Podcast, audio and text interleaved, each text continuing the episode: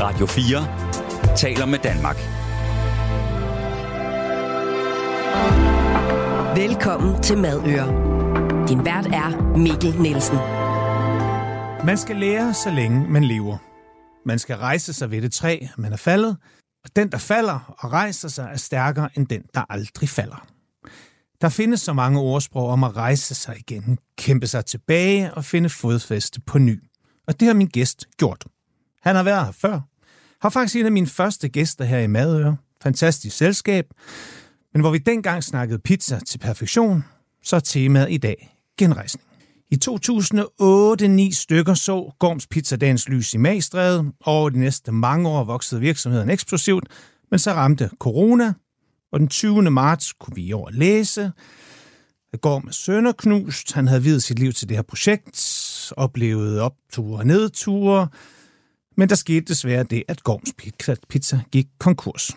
Men cirka en lille måned senere, så lykkedes det at vende skuden og finde nye investorer og redde Gorms Pizza. I dag skal vi høre hele historien. Hvordan det er at stå til at miste alt, som man har kæmpet for, og så til trods vende tilbage. Vi skal snakke fremtid, restauranttendenser, og så slutter vi også lige af med at nørde lidt pizza, fordi nu har vi jo ham selv i studiet, nemlig dig, Pizza Gorm. Gorm yes, Velkommen til mad. Mange tak skal du have. Var det rigtigt, det jeg fik sagt i indledning her? Ja, det synes jeg ja. Ja, generelt passer meget godt. Ja, ja. fordi det her lille ord konkurs, ja. det har jo floreret mange steder. Det må man sige. Og, øh, og jeg synes egentlig, det, man kan jo læse meget i pressen, mm. og staten mangler, og mange penge osv., så, videre, så jeg ja. synes egentlig, det var nemmere at invitere dig ind til en, en madsnak om konkurs. Meget, meget usekset. Ja. Men, øh, men ja, det kommer vi... på. Jeg har, jeg, nu har jeg jo mødt en masse kuratorer og advokater, og de ja. synes faktisk, det er ret sexet. Men okay. jeg må også indrømme, det er ikke, fordi det er det mest spændende emne i Nej. hele verden. Men, men, men det er det jo alligevel. Jeg synes ja. faktisk, at nu siger du det her lille ord konkurs, synes jeg faktisk er meget god, godt sted at starte. Ja. Fordi der er jo det her med, hvordan ser vi som samfund og kultur mm. på konkurs, altså som iværksætterkultur. Ja. Øh, og, og der har jeg jo øh, der har jeg jo bare oplevet på egen krop nu, at at det er bare virkelig et tabubelagt begreb stadigvæk, og der ligger enormt mange associationer forbundet med det. Ja.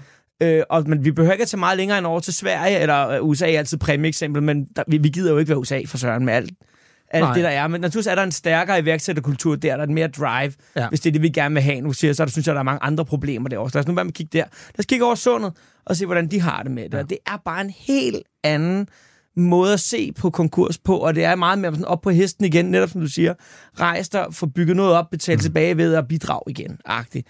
Øhm, så, så, så det er meget sjovt, den måde, hvor vi i Danmark er meget mistroiske. Ja. Og, og straks hvad der, der må være foregået et eller andet. Der er noget, ja, der er noget, der er et hvor andet, er det der, der, der ligger et eller andet på Cayman Island, ja, eller et eller andet. Ja, præcis. Ja, præcis. Øh, så det, det, er ret, altså, det, er jo ret, det var ret sjovt, og det ja. har jeg sådan mærket på egen krop, og også i, inden for journaliststanden, at det er meget den, man går, den vej, man mm. går og måske ikke kigger så meget på historikken, fordi det er jo stadig ikke Gorms var en virksomhed, der er jo så virksomhed, en virksomhed, som er på sit 15. år nu, og, øh, og virkelig, øh, altså hvor vi jo bare altid har kæmpet for at, at, at udvide og, mm. og skabe en, en forretning, som vores ansatte vil være som vi selv synes er sjov. Ja. Og hvis man kigger regnskaberne igennem, så vi aldrig hedder overskud. Altså ikke engang år, hvor vi har lavet millioner i overskud, har vi ikke heddet en krone ud af virksomheden, netop for ja. hele tiden udvikle. Så vi har altid reinvesteret vores ting.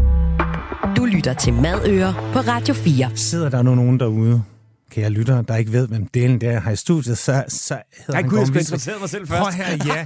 Prøv her, du behøver ikke at lave, prøv, du behøver ikke at lave den lange, som, som da Nej, du var gæst første gang. Men altså, øh, glad Bornholmer-dreng. Ja. Pizzagorm. Pizzagorm, madgorm. Sæt godmorgen, lige... godmorgen, Gorm. Prøv her, ja. ja, altså, jo, men jeg er jo glad, glad Bornholmer, født og opvokset. Ja. Øh, far som kok. Og, øh, og med i den, kan man sige, og omgangskredsen er den her ny gastrobølge derovre fra, med, både på råvarer, med sådan en som Johan Bylov, men også øh, drengene fra Kado, er mine rigtig gode venner. Øh, og selv endt i, i samme moras, kan man sige, mad ja. og gæster og service er det, der ja. ligger min hjerte aller, aller nærmest. Og det, det er faktisk det eneste, jeg har arbejdet med. Som, som voksenjob, kan man sige. Ikke? Og det blev pizzaen, der ligesom blev din vej ind? Ja, præcis. Ja. Og et af, det er mit afsæt i gastronomien ud til, til ja. alt det andet, jeg også Præcis. laver. Ikke? Men jo, det er mit, uh, mit hjertebarn. Og i 8-9 stykker, der starter du i Magstræde? Yes, jeg har jo været, øh, jeg lavet lidt på Bornholm som studiejob, og har ja. læst en bachelor i filosofi og økonomi, og står i fiskbutik ude hos øh, øh, min gode kammerat øh, Tommy, ude på Peter Bangsvej øh, i Winterfisk om vinteren. Så jeg har hele tiden gastro, og alle de andre ja. laver også noget rampel management og altså, studierelevante jobs. Jeg, det, ja. jeg laver det, jeg synes er sjovt. Ikke? Mm. Øh, men så var det ligesom om, at nu skulle det være. Altså, det der pizza fra Bornholm, det gik jo ret godt, og folk synes det var meget fedt og sådan noget. Og jeg har hele tiden haft en drøm om, at jeg skulle lige prøve at være selvstændig, skulle jeg blive corporate bagefter. Skulle jeg i nogle store virksomheder bagefter. Og så, ja, så gik vi jo, så gik det jo, som det gik, så gik det jo meget godt lige. Ja. Altså, vi startede jo op, og fik meget hurtigt nogle gode kokke tilknyttet. Øh, har altid været meget bevidst om, især i starten, hvordan min værktøjskasse, kvæg jeg ikke er uddannet kok. Mm. Øh, selvom jeg er opvokset i gastronomien, så er det jo noget med struktur og øh, værktøjskasse og nogle helt grund, sådan grundfagligheder, som jo som man ikke... Altså, man skal i hvert fald øve sig meget for at opdage dem af sig selv. Det er lidt ja. nemmere at, at, at blive sådan strukturelt oplært i dem et eller andet sted.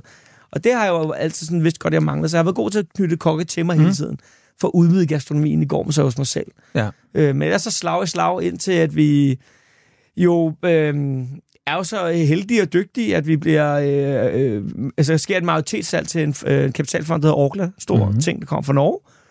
Øh, og, og det var jo egentlig på en eller anden måde drømmen, og at nå dertil, at man kunne lokke endnu større muskler til, som kunne sådan, få det til at, at gå skulle ligge hele Danmark, eller måske hele Skandinavien og Tyskland. Og, altså, var det din så, egen drøm, eller var det...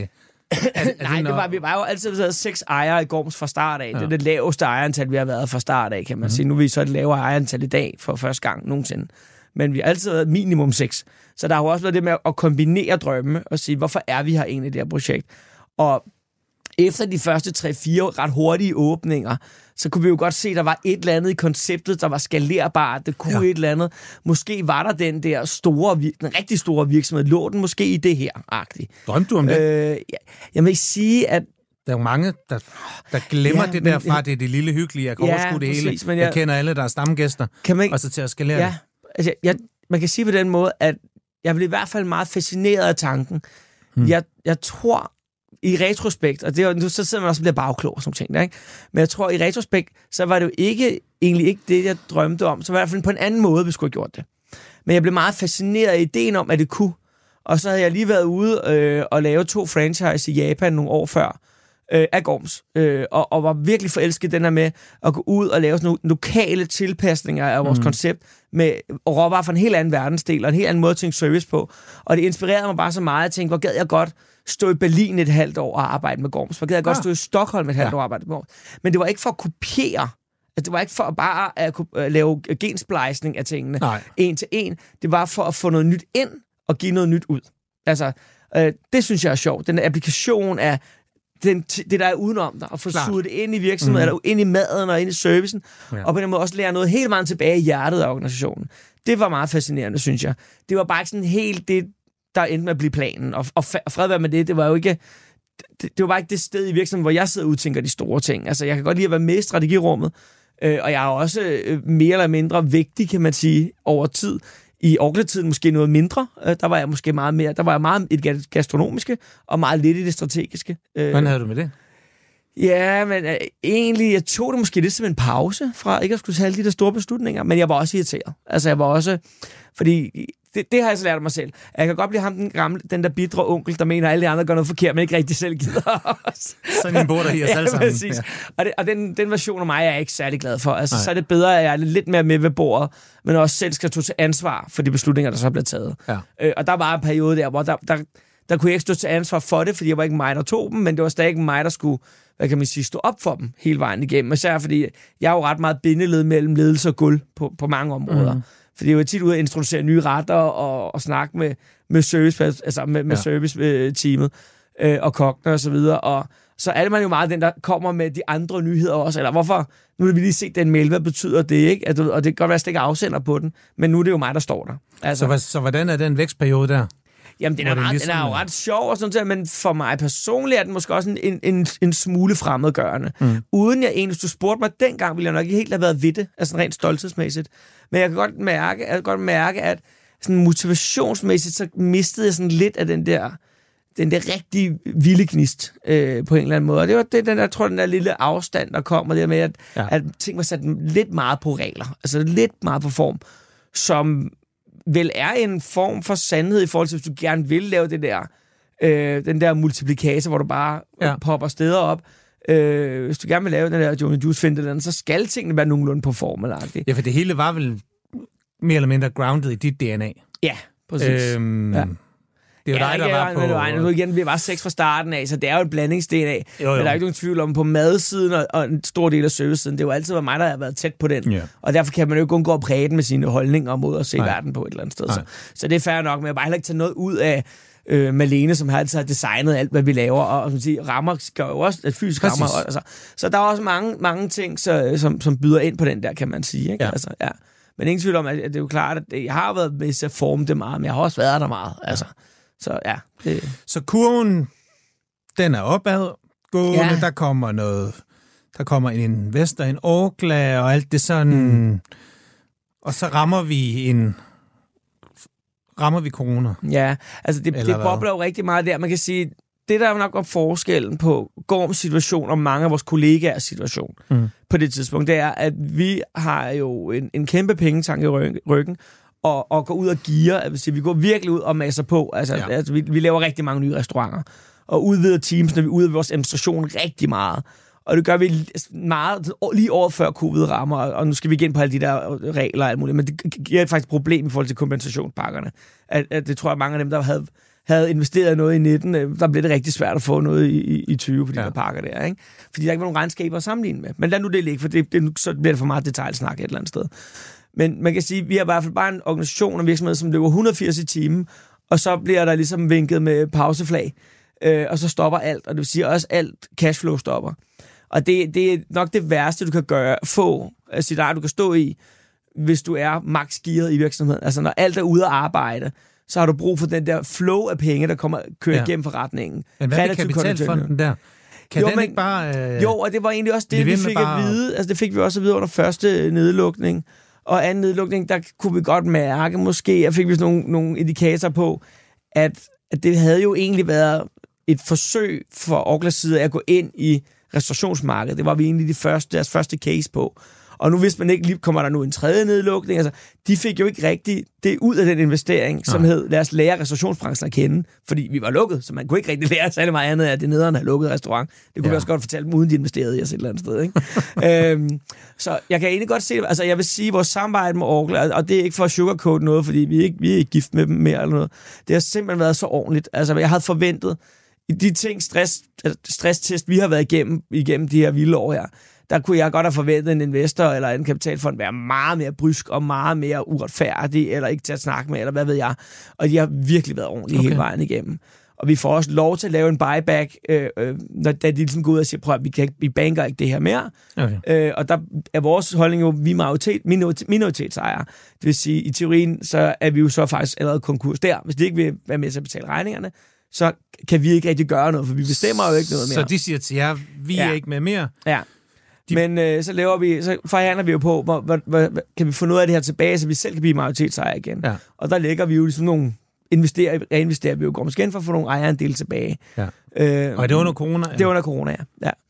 Øh, og så, så krydser vi jo fingre for, at den næste ja. genåbning bliver god, og alt det der, og så videre, og så videre. Ja. Men ikke mindst, så, vi, altså, så krydser vi fingre for, at når vi skal betale, tilbagebetale nogle af alle de her lån, og så videre, vi har optaget, at det bliver på nogle nogenlunde ordentlige forhold. For det ved vi godt, altså, uden en rig far på det her tidspunkt, ja. så bliver det svært. Man er nødt altså, til at altså, tage lånene, ja. egentlig uden at vide, hvad der kommer til at ja, ske. Ja, præcis. Jo, jo. Ja. Der, der var ikke, for, I vores situation var der ikke så meget rafle om.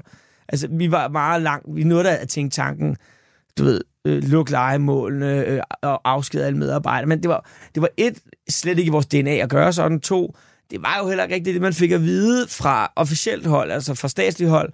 Der fik man at vide, slå koldt vandet på vi har jeres ryg, lad være med at lave en masse fyring. Altså, man ville jo ikke skabe panik heller, vel? Nej.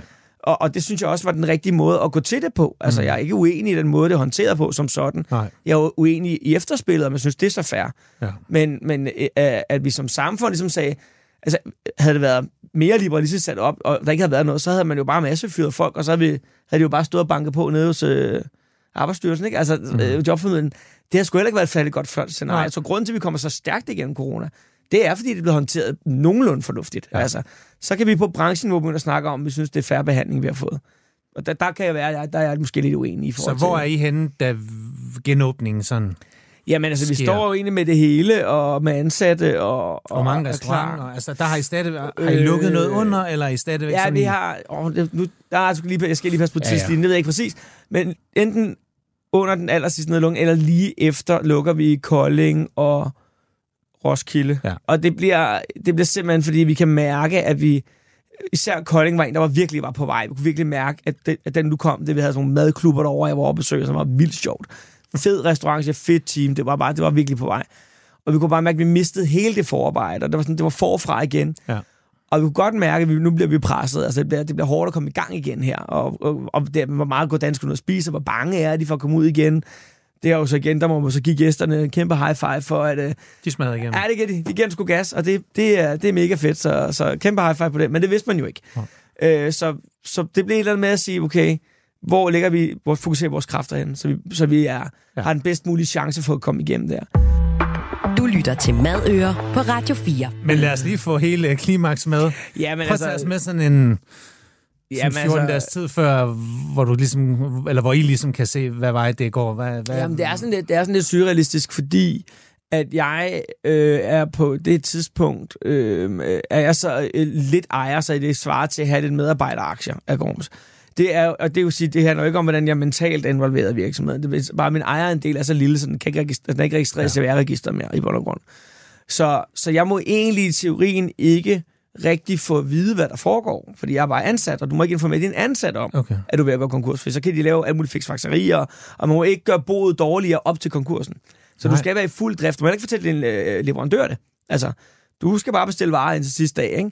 Altså, det, det, er, altså, det, er, det er rigtigt, det, det, det skal du. Og det er sådan lidt hardcore op i hovedet, fordi der er jo mange af dem, er man jo Ja. også kollegaer med på Og rigtig mange måder, ikke? Ja. Så, så jeg var sådan i, lidt i, i sådan en gråzone af information, hvor der var hele tiden blevet tjekket på, hvad måtte jeg egentlig få at vide, måtte jeg ikke få at vide, og det var lidt noget rod. Men så jeg vidste ikke helt præcis, men jeg kunne godt mærke på Christian, min CEO og medstifter øh, og kompagnon, at, øh, at, at nu var det ikke, det var ikke så sjovt lige nu. Altså nu, vi var gået, der var, der var sket et eller andet her i stemningen mellem os ja. Et eller andet sted. Øhm, så, så, så, så kan man sige, så det var egentlig den der bare, det var sådan lidt en sid på hænderne, at du ved, jeg øh, holdt mine møder og udviklede, stod og udviklede pizza dagen før, og, du ved, øh, og, og arbejdede så normalt, som man nu kunne, mens man godt kunne mærke indeni, at, øh, ja. at der var et, øh, det var sgu ikke så godt. Agtigt. Så ja, det, det, det var en meget ambivalent øh, tid, det der. Og så Og så- kommer nyheden. Ja, Og hvem, hvem er det jer selv, eller hvem breaker sådan noget? Jamen altså, vi går jo selv ned i øh, øh, skifteretten eller Sjællandsretten Ja. og, og, og, begærer konkursen, ikke? Altså, og så kommer den jo ud næsten med det samme der, Ja. øh, kan man sige. Øh, og der er vi klar med en, øh, en presmeddelelse, eller Christian har gjort en presmeddelelse Ja. klar, det har jeg jo ikke, fordi jeg har jo ikke set den, men Christian har gjort en presmeddelelse klar, og den, den kører så. Men der er simpelthen ikke flere penge til at betale de penge, de skylder. Jamen, det handler om noget, der hedder et håbløshedstidspunkt, og vi ja. er involveret med nogen, der hedder Early Warning, som er en, en organisation, der er på finansloven under Finansministeriet til at rådgive i de her situationer. Ah. Og dem har vi faktisk været øh, i samarbejde med i et års tid, faktisk. Fordi vi efter at øh, afdragsprofilen kom, kunne vi godt se, at vi skulle have investor ind. Altså der, der kunne, vi, kunne vi se, at det, den her henter vi ikke selv bare ved at generere i Nej. forretningerne. Øhm, så, så, så mens vi er i investorsnakke, så er vi også i rådgivningssnak med dem. Og der er det sådan et hele tiden frem og tilbage mellem, hvornår mener... Altså, de, ligesom, de, bliver ligesom, vi giver i hvert fald dem lov til at kalde den på den måde. Ja. Og det er jo lidt fordi, at Christian har været der siden start, jeg har været der siden start, øh, og så er der alle, de, øh, øh, alle mulige andre småejere, ligesom mig, som har været siden start, og, og, og vi har simpelthen for meget hjerte. Altså, vi, vi er faktisk bange for, at, at vi kan komme til at trække det her længere, end man må. Altså, Ja. ikke noget med at flytte penge eller noget, men der er, igen, der er, det er noget, der hedder håbløst tidspunkt. Og det vil sige, hvis du ikke indser det, og, og bare bliver ved med at prøve at køre ind ah, og lappe, og så lige Ja, låne ja. nogle hurtige penge Okay. derovre, eller noget et eller andet. Altså, Yes. man bliver ufornuftig, fordi hjertet bliver for stærkt. Og den, den, den, den har Christian ej, lidt en snak om, altså, og en, der hedder Jacob, som er, er, er ny, relativt ny hos os, øhm, et år før, at det her overhovedet sker. Og der siger han, ja, der er det her early warning, og dem, dem kan vi bruge, som et støtter os op af, for så ved vi, at vi har gjort alt ordentligt, Og man tager Og vi beslutninger på de rigtige og vi ikke bliver blinde og af vores egen sådan, Ja. ja. kærlighed til projektet. Og det var jeg sådan, det er vildt god idé, fordi jeg, jeg kunne sagtens se mig selv. Øhm, Begynder at sælge sin lejlighed. og ja, begynder altså bare gør jeg ting, for- der bare ikke giver ja, mening lige ja, pludselig. ja, ikke? Altså, altså, vi er irrationelt simpelthen, ikke? fordi man har følelser med i det. Ja. Så, det, så de kaldte den ligesom, at sige, mm. men, eller de har altså kaldt den til Christian Sipper, inden for en uge, så er det, du kan godt komme i gang med processen nu, agtigt, ikke? Så, så det, men det var rigtig ja. godt, for så kunne man ligesom, den, den der hårde beslutning, den kunne man ligesom lægge ud til nogle Men det er jo meget, nogle, det, det var nogle meget ultimative overskrifter ja. den her dag. Det må man sige. Altså at, at se sit eget navn ja. på sådan, fra at være her, heroppe ja. og ekspandere og være en altså, ja, succes ja, og så videre, ja, til altså, konkurs, det smager bare så altså helt andet. Ja, det, jo. Så, så hvordan, altså, hvordan er sådan en dag? Og dig, det, er, det er jo dit navn, der er ude på. Ja, vil sige, dagen var egentlig...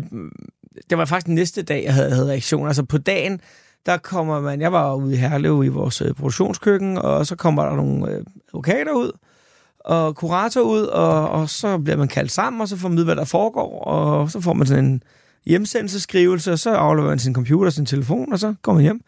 Og så har man okay. bare ikke adgang ja. til noget mere. og der havde jeg lige uh, alle mine Godmorgen Danmark-opskrifter, de lå der, og jeg tænkte, shit, der ligger to kogebøger, jeg kan få det ud. og det, det er ikke sikkert, at jeg kan få fat i dem nogensinde igen, det vel? Altså, for det ligger ikke på min ejendom, det ligger på virksomhedscomputer et eller andet sted. Ikke? Ja.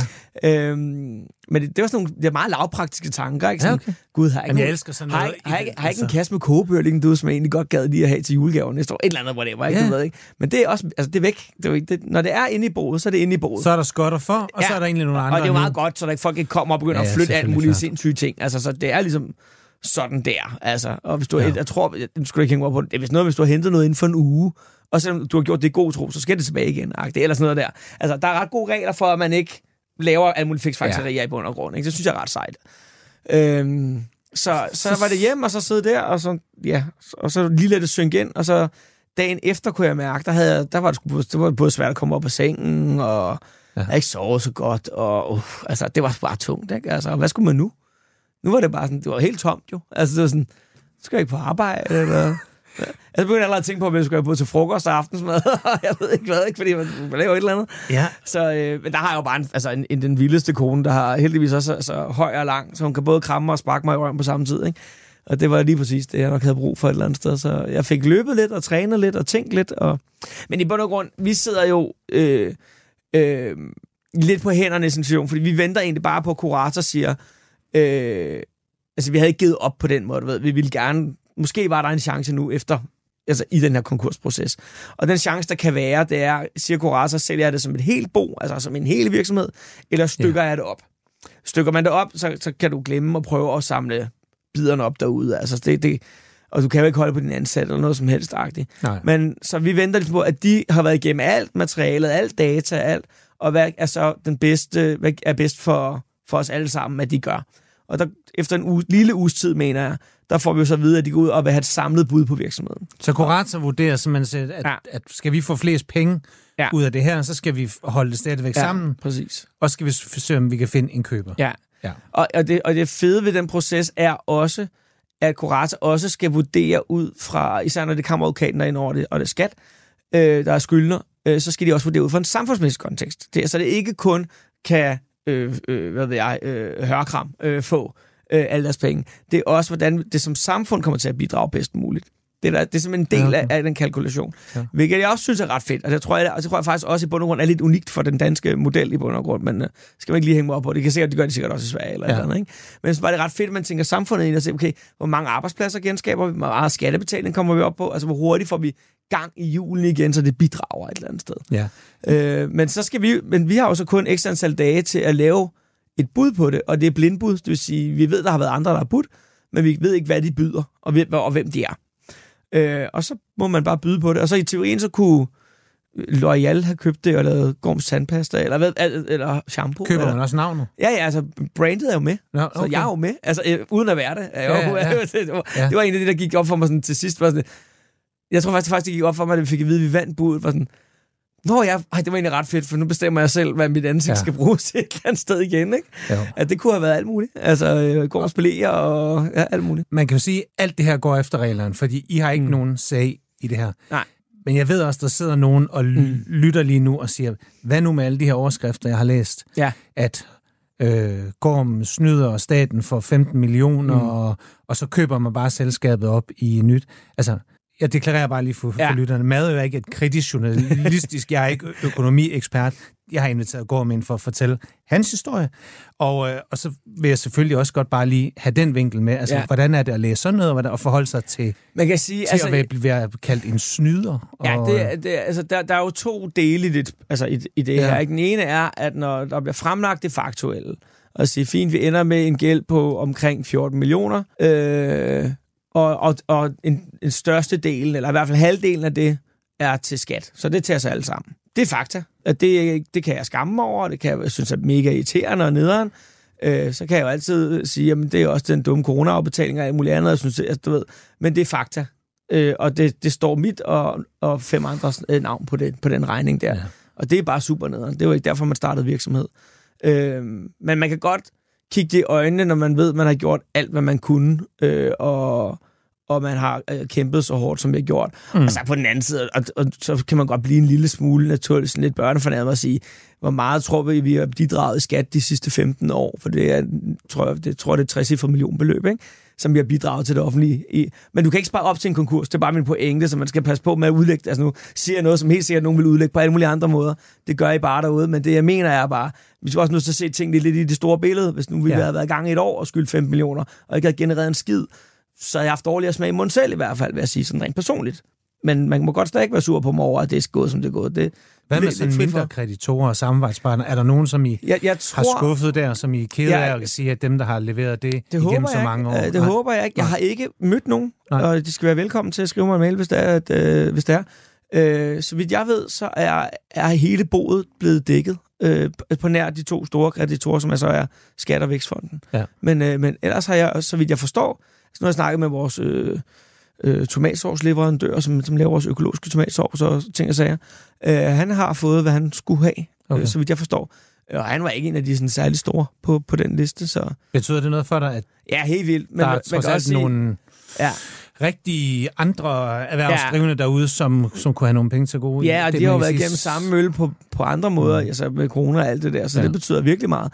Og, og det jeg kan se, det er, at vi har ikke, der er ikke nogen samarbejdspartner, som ikke vil være altså, engagere sig med den nye virksomhed igen, Okay. okay. altså i, i dag. Så der er ikke nogen, der ikke er kommet tilbage, og det tager jo som en indikation på, at vi har opført os altså, så ordentligt, som vi kunne, Ja. op til i hvert fald. Ikke? Mm. Mm. Øh, og, og, øh, og der ikke er, er, er nogle hard feelings der, altså et eller andet sted. Den anden side af det, og det synes jeg der, hvor det har været hårdt, og hvor konkurs i Danmark som begreb bliver behandlet lidt, lidt sjovt, eller lidt, lidt, lidt skarpvinklet, Mm. øhm, det er jo at blive slået hardcore med øh, folk, der er blacklistet i skat, med virksomheder, der ser konker, og dem vi ser i kontant og sådan noget der. Og, og, og faktisk så er i, i journalistisk sammenhæng ofte, eller i flere gange i flere artikler, bliver sat i samme bås som dem, på, en, øh, på at man har gået konkurs en gang med sin virksomhed, den samme virksomhed over 15 års øh, livsværk. Det, det synes jeg bare, det synes jeg er hårdt dømt, lad mig sige det på den måde. Øh, at tro, at det var det, vi, man gik efter, og det var en smart finte, og så kunne man godt nok have gjort det smartere end vi. Og så skulle man ikke have haft early warning med i hvert fald, fordi det havde været noget rigtigt. De kigger godt efter det. Ja, så kunne man... Så, ja, ja, altså, man kunne have gjort Mm. det meget smartere, og man, øh, så ville man have gjort det på en anden måde. Så, og, og det ved, synes jeg bare, at visse medier har i hvert fald så meget faglighed, at det ved de godt. Så det bliver lidt den der med at sælge et klik, ikke? Altså, og det, og det kan... Det kan Ja, så sælger man et klik på mit navn, og når man, har, øh, man er den, som jeg har været, og sagt ja til at være den, så er jeg også klar over, at min røv den er i klaskehøjde, når, når det heller ikke er så sjovt. Og det må jeg så dele med. Altså, det Ja. er en del af det livsvalg, jeg har taget i forgårs og for mig selv. Øhm, det er fred, fred være med det. Men derfor bliver man stadig bitter og sur over det, og, og synes, det er uretfærdigt, og synes, ja. at det er jo også øh, måske mest unødvendigt. Altså, for det, jeg godt kan blive lidt ked af på vores allesammens vegne, hvis jeg må brede det lidt ud, det er, hvis vi begynder at lave en iværksætterånd, der hedder, at man skal blive bange for at prøve noget, man skal blive bange for at satse butik, man skal blive bange for at risikere noget, så får vi endnu færre iværksættere, end vi har i dag. Og jeg fornemmer lidt på vandrørene, vi har lidt for lidt. Det får vi i hvert fald at vide hvert år. At der ikke er nok, der tør kaste ud i de her eventyr Ja. og skabe noget. Og hvis man efter en konkurs, nu siger jeg igen, en konkurs med en virksomhed på 15 år, skal, skal gemme sådan en mølle, som jeg lige har været, øhm, så tror jeg, der, er, der, der vil være nogen, der sådan tænker, ah, Men det må jo også være dit navn. jeg beholder og bare din, med et lønnet job, ikke? Altså, og ved. din position, ikke? Fordi i researchen op til det her, er der jo masser af kendte restauranter, hvis man begynder at sætte Ja, sig ned præcis. og læse, Ja. der har gjort det både 3, 4 og 5 gange, ikke? Men hvor det aldrig er blevet nævnt, fordi Ja. der ikke er et Nej, en så kendt person så man, på. Så og, man ikke, det hænger lidt sammen med det også. Og det er det, jeg mener, ja, når ja. jeg sætter røven op i klaskehøjder og profilerer mig selv, som jeg gør for restauranter, for mig selv osv., så, ja. så ved jeg det også godt. Men jeg gad bare godt stadig have, at man måske havde den der... Altså, vi kunne, jeg synes, vi kunne have lært meget mere af den her konkurs, end vi gjorde i og ja. end at øh, Gorm han har sikkert også nyt, og, og der er nogle alle mulige ting. Der kunne man, som vi alle sammen bare lært noget mere om iværksætteri, og hvad det her corona egentlig betød i efterspillet. Øh, og jeg har virkelig også prøvet, men det er der ingen, der har givet skrive om, jeg har virkelig prøvet at sige, prøv at se på alle dem, der har været i samme situation. Hvor mange lokalsamfund, der har mistet deres ene kro. Det eneste kan, skal på. Ja. Og ikke der kæft, der gider samle det op igen, fordi det er sådan noget krofatter kromotor, slider sig selv ihjel virksomhed. Og de kommer bare, de der typer har vi bare ikke så mange af. Og de er også, der er lige så mange af dem, der rører ned af det her ja. corona-shit, ikke? Og, og, men det er der bare ikke... Altså, dem har jeg også, den historie har jeg også prøvet at komme lidt igennem og sige, altså, nu vil fokusere på mig, det, det ved jeg godt, det er det nemme, men skulle vi ikke også prøve at høre nogle af alle de her lokale historier, mm. hvor folk mister deres sted, hvor de altså holdt deres barndåber, konfirmationer og bryllupper, og de forsvinder altså lidt derude nu, og der er ikke så mange af dem, der bliver samlet op, fordi de er ikke... De er jo ikke så, så sexede eller spændende, ja. de virksomheder, men de er godt nok vigtige for lokalsamfundet. Altså også i rent gastronomisk ja. forstand, ikke? Og der kommer jo stadigvæk flere og flere konkurser ja. i coronakølvandet, ikke? Det er det. Ikke mindst. Så, øh, ja. Men altså, men ja, op på hesten igen, ja. og øh, så kan man så være glad for, at man ikke... Øh, ikke har været med i Vild med Dans og alt muligt, som ikke skal igennem den her mølle her, så man kan gøre Har du ikke det? Jo, jo, det har jeg jo. Nå, okay. siger, man, bare, så kan andre være glade for, at de Nå, ikke har, for har, har, Nå, skulle, jeg synes, det, det, så kan det være, at de kan få lov til at komme igennem. Det er lidt mere ro og mag, og, og, og, og ikke ja, har, har, den, har den støj på linjen ja. også, fordi man kan sige, at det, vi kom ind med at splitte os lidt op i hele den der hektiske fase frem mod budrunde og, og genrejsning. Men er man hvor, aldrig i tvivl i, i den der, det glemte jeg at spørge dig om, hvor man ligesom får muligheden for en, en budrunde og så videre. Jo. Altså tænk, du har aldrig der, prøv at det har været 15 fantastiske år. Ja. Slut. Jeg må tage det, der kommer, mm. og nu skal jeg lave noget helt andet. Jo, altså jeg vil sige, tanken strejfede mig, men, men vi havde været i gang med et projekt i de sidste tre år. Christian, øh, nu hopper vi lige lidt tilbage i tiden igen, men, men, men Christian kommer lige ind, altså har min, min øh, medstifter, mm. men også CEO de sidste tre år, øh, eller direktør de sidste tre år. Han kommer ind lige, efter, lige før corona rammer. Og der står vi i, med den her gearing og ekspansion, og jeg har netop den her snak med Christian om, den her lille fremmedgørelse, altså, jeg føler ikke, vi præsterer sådan helt derude. Jeg kan ikke rigtig mærke Gorms mere. Og hvordan han har det, og det sjove er, at han har lidt den samme oplevelse, som han har det bare for bestyrelsesniveau. Og jeg har ligesom har den ligesom for gulvet. Og, og i den snak er vi sådan lidt fint nok. Hvad skal der til nu, for at vi sådan bliver... Altså, hvad skal vi så gøre? Og der går vi i gang med en masse projekter. Men det ene af projekterne er faktisk, at, at den her virksomhed løber så stærkt og giver så højt. Altså, vi har faktisk problemer med nogle nøgletal i bund og grund. Så det handler også om, at vi ligesom skal lave en turnaround på det tidspunkt. Og i løbet af de tre år, der vender vi jo faktisk negativ drift til positiv drift. Og havde vi ikke gjort det på de tre år, under corona, under alt det her, så havde jeg ikke sagt ja til at gå med igen. For så havde det, altså, så, der er ikke nogen grund til at hælde pengene ned i, i, altså, i rygende hul i jorden, og Nej. nu er jeg bundet med lejlighed og det hele en gang til, agtigt. Ikke, ikke du har været hele tiden, men, altså, ikke fordi, men, men det kunne jeg ligesom været for uden et eller andet sted. Ja. Uh, nu har jeg ligesom skrevet mig op igen med det hele, som man jo altid nærmest gør i den her branche her, desværre, men sådan er det. Så hvad? Uh, ja. så, så jeg havde, tanken havde strejfet mig, men hvis ikke, at vi havde vist, at Gorms er en sund forretning, øh, uden corona-afbetalinger, ja. så, havde jeg ikke, så havde jeg ikke sagt ja engang til. Så havde jeg ikke skrevet under på, at, øh, at, det, hele, at det hele, at banken kan tage det hele, hvis det går galt. Altså, det, det, det havde jeg sgu ikke. Du lytter til Madøer på Radio 4. Så hvad så nu? Ja. Altså, Jamen, det gik jo på trods af, at staten ikke fik sine penge. Men nu ja. er I et nyt sted. Ja. Der er ikke så mange gorms, altså sådan franchises, mm. der er skaleret lidt ned. Ja.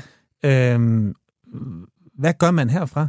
Altså... Jamen, det, det sjove er, fordi vi har... Igen, fordi Christian og jeg har ligesom givet håndslag her for tre år siden på, hvordan, hvad for en gård vi gerne ville arbejde i. Mm. Så er det faktisk rigtig meget sådan en fortsættelse af projekter. Altså, Men du har jo mulighed nu for at få det oprindelige DNA med. Altså komme tættere på. Ja. Komme ind i maskinen igen. Ja, ja. Og, men, det, men det har jeg været kontinuerligt. Okay. Det er bare et spørgsmål om, hvor, hvor dybt inde i maskinen jeg er. Altså, hvis jeg har aldrig sluppet det gastronomiske, jeg har aldrig sluppet en del af service og oplevelse, jeg har heller ikke rigtig sluppet kommunikationen. Nu er jeg meget med med ledelsesrummet. Jeg har været i, i mange, mange, mange, mange år. Mm. Jeg har faktisk ikke været i ledelsesrummet en del år, faktisk. Øh, mere på sådan noget hyggebasis, hvis det overhovedet har været. Ikke? Altså, men egentlig ikke. nu er jeg formelt med øh, i ledelsesrummet. Det er mega spændende, og jeg er glad for at være der igen, agtigt. Mm. Men der er jo også sådan en, sådan en ja, iværksætter, som selv prikker lidt til, sådan, der er sådan en entreprenør, ikke? Altså, du ved, vi er ikke bare i drift. Vi skal bruge et eller andet, altså nu skal vi ud over rampen på en ny måde, ikke? Hvor skal der også ske øh, nye ting? Ja, altså Mastret skal have en overhaul på et tidspunkt her til efteråret, tænker jeg. Altså, Men jeg tænker øh, også bare sådan rent madmæssigt. Og ja, den her kære lytter, nu sagde vi ordet mad. mad. Og vi, skal, vi, ja. vi skal nok snakke. Ja. Der kommer mad. Men øh, jo, men altså, når man madmæssigt, så, øh, altså, så, så ændrer tingene sig jo hele tiden. Det er jo dejligt. Og et eller andet sted, så tror jeg, at mange, der drømmer om at få det der ene sted, som bare kan få lov til at være det samme i 30 år, og man bare finder nøglen, for skal man aldrig ændre på det igen. Men det er kun sådan noget som Røde Claus og Lauterbach og sådan noget, der kan finde ud af det. Altså, det er de der rigtig store KF'er. Så tæller, hvor få der egentlig bare kan køre. Ja. Jeg ved godt, og det er at sige, at de kører samme rille, det er ikke det, jeg mener, fordi de udvikler jo mad hele tiden. Ja. Men de har et meget klar, sådan, det, jeg er den her. Ja. Forstår du, hvad jeg mener? Mm. Altså sådan, meget koncept stringente. Så inden ja. for det, så sker der alt muligt med maden. Det er jeg godt klar over, fordi de gamle hunde, de lærer faktisk nye tricks, vil jeg bare lige til at sige. Men, men, øh, men, men det er jo meget sjovt at kigge på, fordi, fordi sådan har jeg også set dig mm. de sidste 15 år. Sådan ret konform omkring, hvad mm. man vil. Det, vi kan skalere det, det er pizza, det er noget. Så nu dykkede jeg bare lidt ned i ligesom at kigge, okay, nu er der, der er lidt mindre, mm. men der er også en, en ny restaurant i, ja. i, i konsortiet, ja. som som når jeg kigger på det mad, mm. det kan jeg godt se dig i også. Og hvor pizzaen altid for mig kunne være et supplement eller noget share food. Nu, ja. nu er der jo, altså kom nu for helvede med nyheden. Ja, vi, vi, ja. vi, vi, vi har faktisk lavet en restaurant hele, helt uden vi, pizza. Vi bryder Nej. Ja, Break it. Klik det. Der er klik i det, Ja, der er klik i det. Klik i det. Ja, nej, nej, men vi har jo faktisk lavet en restaurant helt uden pizza nu. Ja. Øh, for første gang, vel, egentlig det er også mega fedt. Altså, det er vildt fedt. Men, øh, men jeg tror, det er fordi, at jeg tror, at grunden til, at det måske har taget så lang tid, et er, så bliver man lidt, man bliver bange for sin egen skygge, ikke? Altså, man bliver lidt bange for, at og nu er jo, øh, folk forventer jo, at jeg laver det her. Så, men det er vel også måske derfor, vi ikke har kaldt den Gorms i bund og grund. Mm. Øhm, øh, den hedder Bjørn og Delfino, ligger nede i Sydhavnen og, og hygger sig. Øhm, men, og, og, og vi har egentlig også givet os, og ikke bare nok med, at vi ikke har pizza på, så har vi også givet os selv lov til at sige, at det er hele Middelhavskøkkenet. Altså, så vi må, vi må altså, brede os ud mm. over Italiens grænser. Det er også lidt noget nyt øh, for os. Øh, Men det er også så, det, lidt, vi snakker om, ja. inden vi gik ind det her med, at, at er det lidt den tendens, vi ser nu? Ja at hvis man skal føre det sådan over på politik, de her blokke, det her blokpolitik, Socialdemokratiet sådan, de, ja, ja, altså, sådan, og det ved du også har en holdning til det her med, at, at du ser de her blokke lidt bryde ned, at vi må det hele. Ja. Bare der er fokus på den gode smag. Ja, det, altså, og man skal jo passe på, at det ikke bliver øh, sådan et latterdi, at det ikke bliver laissez-faire. Altså, mm. fordi at man har jo hørt, altså man har jo set alle de der menukort med respekt for den store smag, og så, det, så laver de en eller anden dødlam cheeseburger, ikke? så man siger, ja, det er fint. Øh, så man skal også passe på, men, men, men når vi nu snakker sådan rigtig gastronomisk om det, øh, så tror jeg, der er sket nogle ting, som kommer af noget klimabevidsthed, øget grøntsagsfokus, øh, og, og de ting gør, at man at der kommer rigtig mange kokke ud, som er rigtig, rigtig dygtige til at arbejde med umami, hvor end det så kommer fra. Om de bruger noget tang, altså dashi og uh, whatever, eller om de bruger kombu, og uh, om de bruger alle de her saucer fra Vietnam, uh, uh, og hele det asiatiske, om de bruger fermentering og det nordiske. Umami, det er det her, der får mad til at smage godt. Ja, altså, den, fem, den femte grundsmag. Ikke? Det, det, det er jo, jeg beskriver det som tolken, der får de andre til at snakke sammen. Mm. Fordi salt er, en, salt er et sprog, Klart. bitterhed er et sprog, sødt er et sprog, og syre er et sprog. Mm. Og så er umami, det er den, der får alle til at snakke sammen. Det er ambassadøren der gør, nu finder vi ud af det sammen. Og så ja. medierer den og får en rigtig god smagsmæssig aftale på plads, som du så kan lide op i hjernen. Et andet sted. Det er sådan, jeg kan forklare, fordi umami er jo så mange ting. Det er det. Du kan, altså, det der med, at man siger, hvad smager umami af? Jamen, gorgonzola har umami. Men, men, men det har tang, ja, ja, ja, du har tang også, ja, og det har bacon ja. også. Du kan ikke påstå, at de smager ens, de ting, vel? Altså, ja. Så hvad er det, ikke? Altså, du kan ikke det, men, øh, men bare lige for at sige til alle dem, der lytter med, altså, det er videnskabeligt bevist sensorisk, den er derinde. Ja. Altså, vi har et, et center i hjernen, der registrerer det. Det var man lidt i tvivl om i starten, da det ord kom frem, ikke? Jo. Øhm, men det er folk bare blevet gode til at, at arbejde med. Og det tror jeg handler rigtig meget om, det der med at prøve at skære lidt ned på kød, prøve at skære ned på nogle, nogle råvarer. Det vil sige, det kan både være inflationskrise og alt muligt, men det kan også være bare sund fornuft og klimabevidsthed. Men det gør også, at der er kommet en lidt fandenivoldsked på en dejlig måde, synes jeg, at, at hvis det er ponzu for eksempel, som er en eller anden japansk sauce, som er den bedste smagsgiver til lige præcis den her tilberedning af broccoli, øh, så er man ikke bange for at gøre det. Mm. Selvom at man måske generelt er lidt mere italiano, eller lidt mere frankofil. Eller Hvor lidt ser mere... du det henne? For jeg synes da stadigvæk, vi har sådan bistro, Korean, altså det her, jo, men, men, men er ja. det også inde i køkkenerne? Jamen, det, det synes jeg bestemt. Ja. Jeg synes bestemt, man ser det på sådan noget... Øh, øh, hvad hedder det? Altså, Steffen over på Oranje leger enormt meget med, med, med tingene, synes jeg for eksempel. Øh, Mads Dalsborg, øh, synes jeg, leger vildt meget med mm. tingene. Altså, og, og, og, og har, altså, han er jo næsten nærmest kendt for ikke at have nogle regler et eller andet sted. Altså, det, det er jo over det hele, ikke? Jo. Men er med, med et, et ben i mest i det asiatiske, men det er både fransk og nordisk og alt muligt samtidig ja. et eller andet sted, ikke? Øhm, øh, øh, men så, nu gør, vi gør det på Bjørn Delfino, synes jeg rigtig meget. Øh, men der er jo stadig mest centreret om, øh, om, om middelhavskøkkenet, men har en enkelt ret, hvor for eksempel øh, Ponzu indgår. Mm. Øh, men og, er det et mindset, når man udvikler? At man skal glemme nej. Det, tradu- det man har lært, eller, ja. er, det, eller er det en... Nej, men det er jo egentlig bare at huske på alt det, du har lært. Altså det fede, lige, det sjove var her, at vi har lige udviklet mad sammen med David, vores kok nede i Bjørn Delfino, bare for at tage et eksempel mm. fra en baghave. Og der sidder Torben, som er den dreng altså søllerød, øh, mig, øh, udskolet, men øh, sådan halvt i kado, halvt, altså du ved, alt muligt over det hele, over the place. Og så er det David, der, som har været Sydamerika, Japan, øh, of course grundkøkken i Italien, øh, span, spansk tapas. Han, altså, han kan jo huske 100 milliarder ting. Ikke? Han er jo fuldstændig, han er jo sådan en øh, sådan en lykkehjul af, altså, drejer du om rundt, så lander han bare på en ny nationalitet nærmest, ikke? Øh, og der var også mange ting, jeg må sige sådan, ah, man kunne man, altså, hvor man godt kan finde alternativerne i egen baghave, så maden bliver mere stringent, og fortællingen bliver mere klar. Mm. Men så kommer der den her ene ret, som jeg bare bliver, det er 100% Davids ret, og jeg bliver bare totalt forelsket i den. Og så er han sådan lidt, ja, men øh, og sådan, han slår sig lidt i det. Jeg spørger, hvad er der galt? At man synes ikke helt, om vi overhovedet kan få den på kortet, fordi der, han, bruger, han kan simpelthen ikke finde erstatte ponzu, den ponzu, han bruger, med noget andet, og så få den samme ret. Og han, ej, så gav vi den lige et par runder, og det kunne han ikke. Altså, det, det, vi kunne, jeg, jeg kunne heller ikke. Jeg må sige, den smagte rigtig sådan der, og så, og så smagte den ikke rigtigt. Og der var jeg til sidst, men fuck det. Altså, det er lige meget. Den smager hammerende godt. Den, det spiller som det der, og den, jeg vil have, vi, vi skal have den på. Altså, det, det er sommer, det kan alt det, vi gerne vil i det her kort. Mm. Så bliver det mere sådan kortets fortælling, der bliver det retningsgivende. Og ikke så meget landekoden, kan man sige.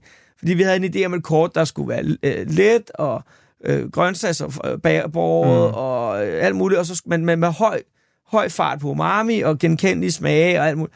Og, og der, den snak, den talte bare så godt ind i den ja. idé om det kort, vi gerne ville lave, at vi kunne komme omkring den. Og så tog jeg bare, så, kunne, så var jeg heldigvis der ikke bare går. Ikke? Så, så, tog jeg en principiel beslutning, og den kommer bare på, og så giver I mig skraldet. Det, det siger jeg tit til mine folk derude. Hvis vi, er, hvis vi er i tvivl om noget, så siger jeg bare, bare sig det går, om der har sagt det. Så må jeg, så må jeg få skilt ud bagefter. Men for fanden, hvis det virker, og det smager godt, ikke? Altså, så, så er det jo det, det ja, handler om. og så handler det måske om også, så skal vi naturligvis være ærlige i kortet om, mm. hvad det er, så øh, gæsten ved, hvad de vælger et eller andet sted. Ikke? Ja. Altså, det, det er fair game, men, men ellers så... Øh, men jeg synes bare generelt, at der bare ser jeg bare kokke, helt fra vinbar til, altså til små øh, ting og sager. Øhm, øh, altså virkelig er højt til loftet i forhold til, hvad de føler, de godt må lege med mm. et eller andet sted. Og det er øh, virkelig befriende. Og vi er ikke ude i det der fusions køkken, som stak fuldstændig af i 90'erne. Nej.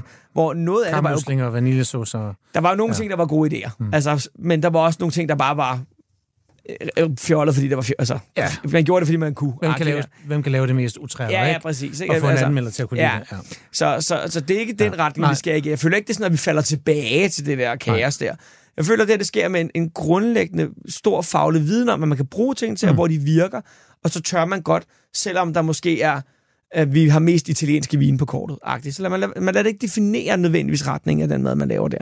Det synes jeg er ret befriende. Jeg synes, det er ret sjovt. Og jeg tror også, det kommer af, at vi kvæg øh, lidt råvarer øh, for dyr, altså lidt råvareinflation og så videre, alle sammen blevet nødt til at tænke os lidt mere om, ikke fordi vi ikke har gjort det før, men altså det, det er, øh, indkøb har været dyre i en lang periode, og er det stadig til dels.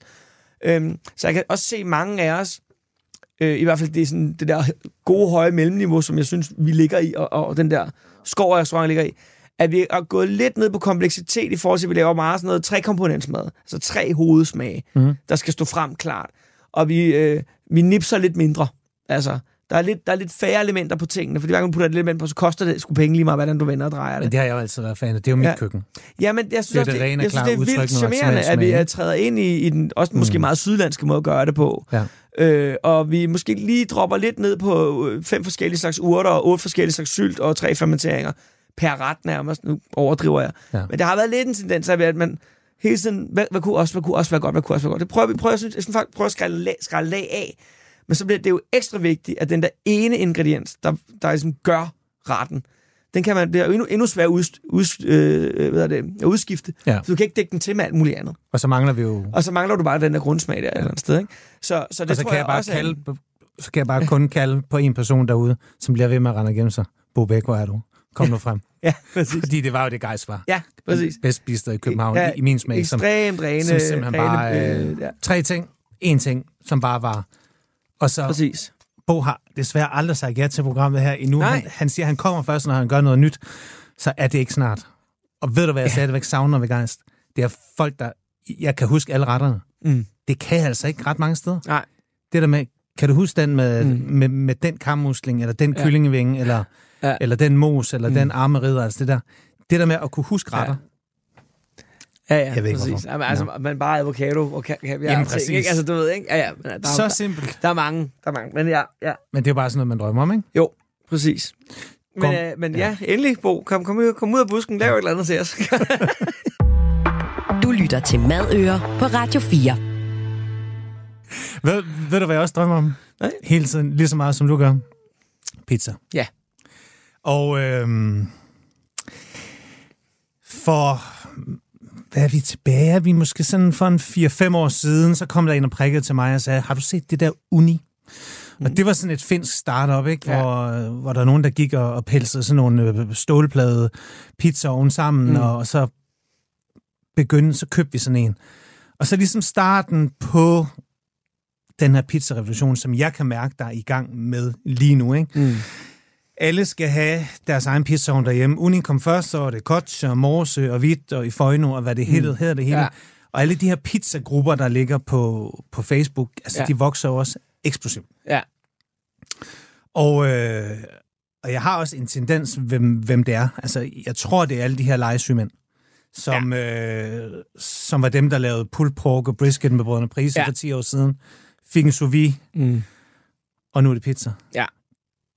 Kan du mærke, altså, kan du også mærke den her pizza-vibe med, at, at man flytter den gode gourmet-pizza hjem i sin have, mm. fyrer op med branden eller gas, og, og begynder, altså... Altså, jeg kan mærke, nu har jeg været ude, øh, jeg har lige været ude og lave et arrangement i Kolding i forrige uge, og så har jeg lavet noget madskole på Surs mm. i søndags. Øh, og, og så alt sammen pizza-relateret, ikke? Og, og sådan... Øh, og jeg kan mærke, at niveauet af det, jeg bliver spurgt om teknisk, ja. bliver større og større. Altså, det er ikke så, det er ikke så basisspørgsmål mere. Nej. Øh, og også ting, hvor sådan, det har jeg aldrig brugt, det der. Eller, du ved, sådan, Hvad vil de vide? Ja, nej, men, jamen, det er alt muligt med sådan, øh, øh, surdej, altså med bigager. Det er ja, helt klart, okay. det og, og meltyper. Øhm, og, og, og man kan mærke, at der også kommer de her fraktioner nærmest, som fodboldklubber, at man, jeg bruger Capuso Blå, og de andre bruger ja. Molinarte, et eller andet, og, og jeg har bare sådan lidt, bare læst på det, hvad er, hvad er protein og gluten, og det, det, det, så du kan godt decifrere, du ved, ikke? Øhm, og der vil jeg bare lige sige, jeg er, også, jeg er jo kæmpe melnørd også, da jeg virkelig jeg får, øh, prøver op øh, halvårligt ved hver høst, og øh, bærer løs og mærker efter, og hvad kan det, og, fordi det, det er også terroir-bestemt, det er sådan, mel er ikke mel. Det er også, hvis der var lidt mere sol over øh, den her side af, af landet, og ikke en anden side, så er melet over for den mølle måske bedre end det. Altså, du ved, det er ikke et standardprodukt. Det er nej. også ligesom fløde tomater, og folk er bare sådan, det er bare fløde tomater. Eh, nej, det, det er jo rigtig råvarer. Det er jo rigtige landbrugsprodukter. Derfor, der hvor de har vokset, ja. der har faktisk betydning for, hvordan de smager, ikke? Jo. Og hvordan de opfører sig. Så, øhm, og der vil jeg bare sige, at her forleden har jeg et komfur derhjemme, hvor ovnen går til 300 grader. Det er rigtig godt til sådan det romerske, det er bager i gormsk. Det er de tynde, også? Ja, det er den tynde ja. brød, og den bager jo lidt længere tid end ja. den end napolitanske, ikke? Og så øh, har jeg fundet, at min salamander, som jeg har i det, i det komfur, med en stålplade i, når næsten 400 grader. Det vil sige, så er jeg næsten i Napoli, og så bager jeg Napoli-pizza også. Er det, det er nice. Altså, og når du siger salamander, er det din grill? Det, ja, det er en grill. Altså, det er jo sådan en meget, meget smal ovn, som ja. kun har bare et stort varmelæge ja. oppe. Og det er derfor, jeg bruger bage stål i den. Ja. For det afgiver varme. Øh, den er både bedre til at suge varme mm. hurtigt, men den afgiver også varme mere aggressivt til det emne, der ligger på den. Okay. Det vil sige, at jeg skal være, men hver pizza skal jo genopvarme stålet men, den, men jeg har prøvet med en sten, og den kan simpelthen ikke afgive varme hurtigt nok. Nej. Men stål, der kan virkelig få... Altså, der tæsker det bare rundt derinde. Det er mega fedt. Det er rigtig sjovt. Men der lavede jeg altså bare... Det var bare ungerne, vi skal gerne hjemmelavet pizza. Jeg havde bare helt almindelig Det må du have hørt nogle gange. Dansk hvedemel, et eller andet, whatever, ikke? Ja. Altså, ikke noget Caputo, øh, Tipo 0, noget som helst. Det var bare dansk økologisk hvedemel. Bum. Lavet en dej med lidt øh, ølandshvid i også, for at få det med smag og den spillede bare så sindssygt. Det var så fed. Og jeg var sådan, hvorfor jeg ikke var noget af? Idiot. Prøv, jeg kender det der. Altså, og så kan man købe mel i dyredomme og polish. Og, og så vil det ikke, og så vil og det, så bare ikke, det, og, det, og så står jeg der og bare banker et eller andet sammen. Og of course har jeg rørt ved rigtig meget, både Napoli-dej og pizza-dej. Så det er ikke for at sige, of course, jeg ved godt lidt, hvad jeg laver. Det er jo ikke bare sådan lige trukket ud af, af måsen. Men alligevel jeg plejer jeg altså at være noget mere fokuseret. Og det, den bare simpelthen så nice fed krumme i, og den manglede noget syre, fordi den ikke havde, som ikke, øh, øh, ja. det, den havde ikke stået hævet eller koldhævet.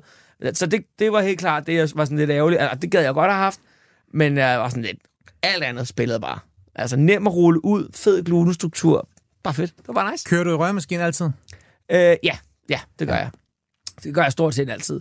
Altså til kurser, der står jeg altid ældre i hånden, fordi der, der, man har aldrig adgang til Ej. 32 Ej. Øh, køkkenmaskiner.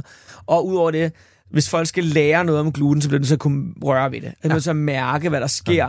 fra de starter til, når det er et eller andet sharp, øh, og tapetklister til, det rent faktisk bliver en eller anden ting, hvor de kan Arbejde mærke, med. hvor glat det bliver, mm. og hvor spændstigt det er, og sådan ting der. Så er det altid i hånden, så det får jeg gjort nogle gange om året. Øh, men, men derhjemme er det oppe i Ankers rum, ikke? og så, så kører vi. Hvad er den ja. ultimative sommerpizza? Ultimative sommerpizza? Og hvordan ja. laver vi den? Oh, Hvis jeg har tændt, øh, altså jeg, jeg, har, jeg har både sådan en uni, ja. og, sådan, og så, så, har jeg, så har jeg anskaffet mig sådan en, øh, sådan en el-pizza. Ja, det altså sådan en, øh, Nej, men det er altså ret sjovt. Ja, fedt. Øh, den bliver 450 grader på ja. 16 minutter, ikke? Og så kan den stå i bryggerset. Og den gør det altså lidt, lidt, nemmere. lidt sjovere nogle ja. gange, ikke? Ja. Og, og holder sådan varmen ret godt. Okay. Men, men nørder man jo også. Altså, så der, ja, ja, men, ja. Men, men der vil altså til, lige præcis, nu skal jeg bare dig et specifikt råd her. Ja. Fordi lige præcis til den, hvis du mangler det der lidt smokiness, et eller andet, du kan jo stadig godt, enten, øh, jeg bruger altid semula til at rulle ud på, ja. altså som er lidt mere groft i det, ja. og det har en tendens til at ligge ulme lidt derinde, og det giver sådan en lidt smokiness til, altså du får den mere brændefyret smag. Altså jeg havde direktøren for Pellegrino ind og spise i Magstræde for nogle år siden, og hun var sådan, jeg kan ikke forstå, hvor du har det brændehænde, og det der lille køkken, og så, det er en elovn, siger så. Og hun var sådan, nej, det er det ikke. Altså, åh, nu er det ligesom min ovn. Ah, ah. og jeg blev til, hun, hun, hun, kom simpelthen ud og så ovnen, og var sådan, det kunne simpelthen ikke forstå op i sit hoved. Så hun blev der til ah. alle gæster var gået, og så skulle jeg bage for hende, så hun kunne forstå, hvorfor at det smagte, som om det var en brændefjedovn. Hmm. Og så fandt vi ud af, at det var simpelthen fordi, at, at det der semula jo, og selvom vi fejrer oven i nyerne, så ligger der jo noget ude i hjørnerne og ulmer hele tiden ja. efter de første par pizzaer. Og det den der smokiness, den gør bare, at du får det der lette røg ind i. Ja. Så hvis du savner den i din el-ting, ja. there you go. Det, det er jo ikke noget af det. At, nu, nu må man virkelig ikke hate, men jeg gør det lidt alligevel. Dem, der på de her forskellige sites på Facebook har, har været ude og købe en pizzaovn, starter den op, og så ligger de første pizza ud, hvor alt det bare er brændt. Eller de får... Altså, ja. det, er jo, det er jo tit udrulningen at få det op på den her ja. pizzaspatel, som jo virkelig er ja. desværre, indtil man får det lært, ikke? Jo. Og der kan man være ude for nogle frygtelige uheld. Ja. Hele familien bænket op, man har lavet sin lille pizzastation, ikke? Mm. Alt er klart, far i momentet. Ja. Og så chumser man bare den dag ind i ovnen, og så er der bare fyld og ja, dej ja, og huller. Og... Ja, og 9 ud af 10 gange har man bare ikke nok mel ind under pizzaen. Man glemmer, ja. eller man tænker, den er, den er vendt der er masser af mel på, så glemmer man bare lige, at man ganger lige diameteren med 10 eller noget andet, ja. så den er klump til den er ude. Og den spiser altså mel for hver millimeter, så tager den lige lidt mere, og tager den lige lidt mere. Ja. Altså, altid, altså alle kursister, de gør, altså det er altid en, de falder i. Rigelig mel under, og så kommer ud, og jeg kan bare, det er, I skal bare række hånden op, når den sidder fast i bordet, og så går der lige fem minutter, så kommer der bare, du, du, du, du, du, kommer alle hænderne op, så står jeg med to spader der. Fordi at alle har puttet for lidt ind under. Altså bare mere, altså, den, den skal glide rundt i mel, så kan du altid banke den af, altså banke melet af, mm. øh, inden du putter fyld på. Men så langt du ruller ud og sådan noget der, du må simpelthen ikke lægge fyld på, før, før du ved, at du nærmest kan sådan, lægge hånden på, så kører den rundt, kører mm. pizzaen rundt på bordet. Og hvad skal der på? Hvad, hvad er det ultimative ja, altså, lige nu, lige nu er god dansk øh, fast salt ost, øh, nye kartofler, løvstikke, øh, den aller, allerbedste silketynde øh, bacon, du kan finde.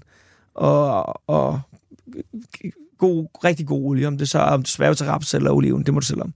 Men også tomatsauce? Nej, Nej. hvid pizza. Hvid pizza. Ja, og, så... den, og den der, den kan du øh, uden, ja, faktisk også med, med, med det der lidt, øh, det bacon og flæsk på, kan du køre som base for frisk pillet rejer, hummer, det er jo bare en kartoffel løvstikke ting, mm. der bare... Øh, det, det, den laver jeg konsekvent hele tiden til mig selv. Og den er så let og dejlig. Det, det er nærmest en forret, og så bruger jeg den som madbrød under... Altså, så jeg laver bare flere af dem, og så til alt det andet, jeg spiser under middagen, og det hele er jo sådan lidt tapasagtigt nu med lidt stracciatella, og du ved, og... Og det er jo det for helvede, det er jo det, jamen, det er jo det, ikke? det er jo det, det er jo det lige nu, ikke? Så jeg bare have det som sådan...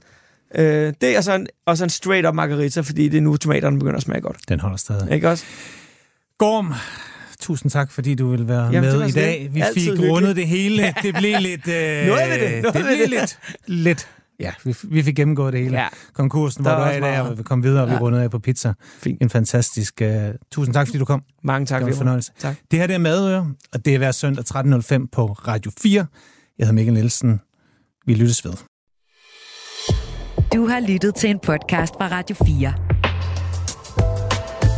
Find flere episoder i vores app, eller der, hvor du lytter til podcast.